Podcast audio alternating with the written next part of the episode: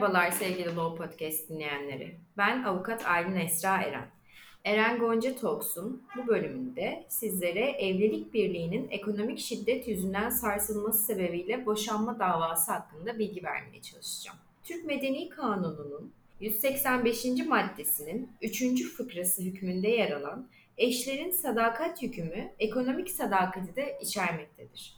Bu sebeple ekonomik şiddet içeren davranışlar eşlerin sadakat yükümüne aykırı bir davranış olmakla aynı zamanda bir boşanma sebebi de oluşturmaktadır. Evlilik birliğinin sarsılması sebebiyle boşanma davasında ekonomik şiddet içeren davranışları şu şekilde tanımlayabiliriz.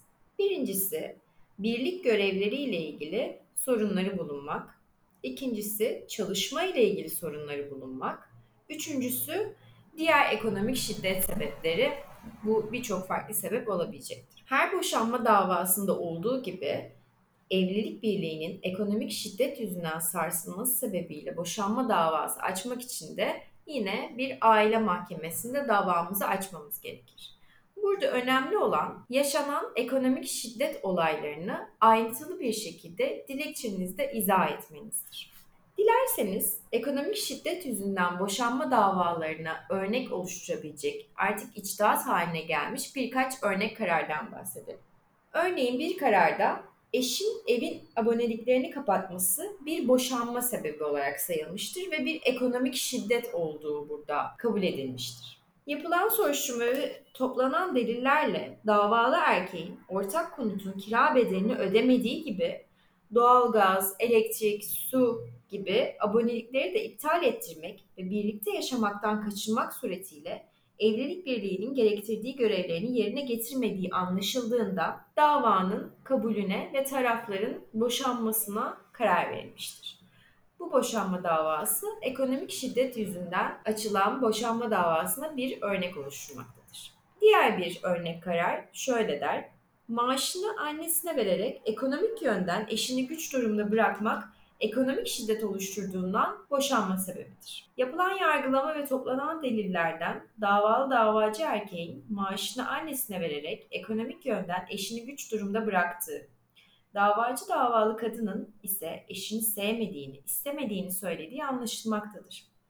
Bu halde taraflar arasında ortak hayatı temelinden sarsacak derecede ve birliğin devamına imkan vermeyecek nitelikte bir geçimsizlik mevcut ve sabittir. Yani aslında bu kararda şunu görüyoruz.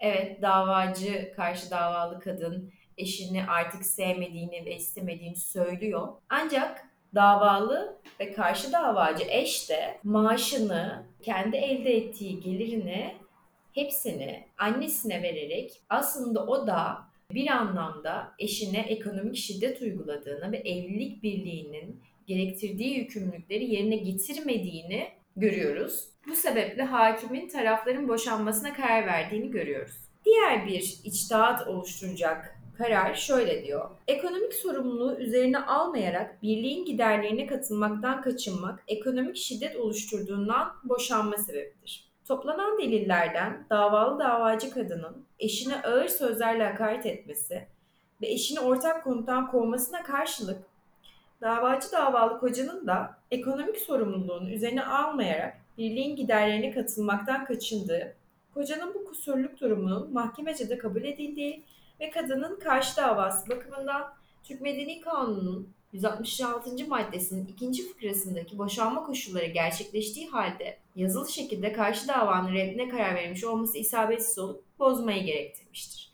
Yani burada da görüyoruz ki ilk derece mahkemesi aslında eşlerin ekonomik sorumluluğu üzerine almayarak birliğin giderlerine katılmaktan kaçınmasını ve diğer eşinde eşine karşı ağır sözler ve hakaretlerde bulunmasını tek başına yeterli bir boşanma sebebi olarak kabul etmemiş olmakla birlikte Yargıtay ekonomik şiddeti de kabul etmiş. Bir eşin diğer eşe ağır sözlerle hakaret etmesini ve ortak konuttan kovmasını da boşanmaya yeterli sebep kabul ederek tarafların boşanmasına karar vermiştir. Bir diğer ve çok sık ne yazık ki karşılaştığımız ekonomik şiddet yüzünden boşanma sebebi de şu. Eşinin çalışmasını engellemek suretiyle boşanmaya karar verilmesi.